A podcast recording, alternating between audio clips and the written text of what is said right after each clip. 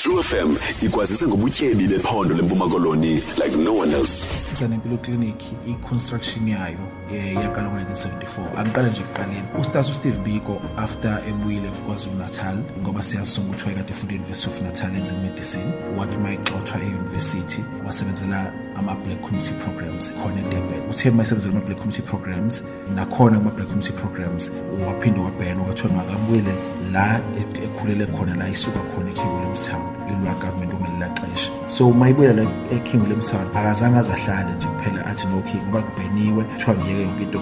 Nala king williams town waphinde waqala phansi waqhubana nomsebenzi wama-black community programs. Ama-black community programs aye hambisana ne-black consciousness movement.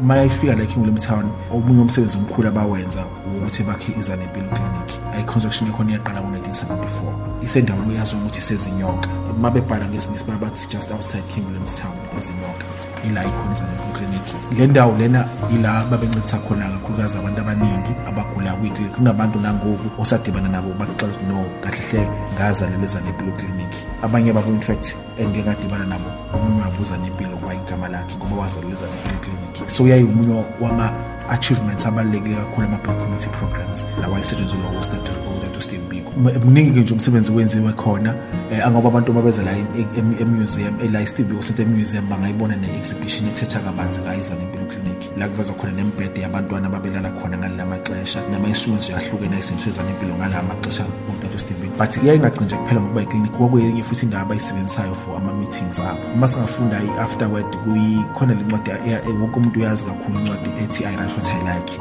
Kuyona kune-afterward lo afterward imemo ebhalwe utata u-alred stabs u-alred stabs um mayixoxa kule memo uyasho ukuthi yilaba bedibana khona for ama-meetings yilaba behlangana khona bahlale makwama-weekend njengoba sazi utata usteve biko i-movement yakhe yayihlezi igadiwe igadiwe ukuthi uyaphi ngoba wayibheniwe wayengafunekali ukuthi abonakale emeni nabantu abathile or nenamba ethile yabantu but wayekwazi ukuthi ma ama-saturdays adrayive aye khona phaa babe nama-meeting bahlale khona konwatsho kwenziwe yonke into.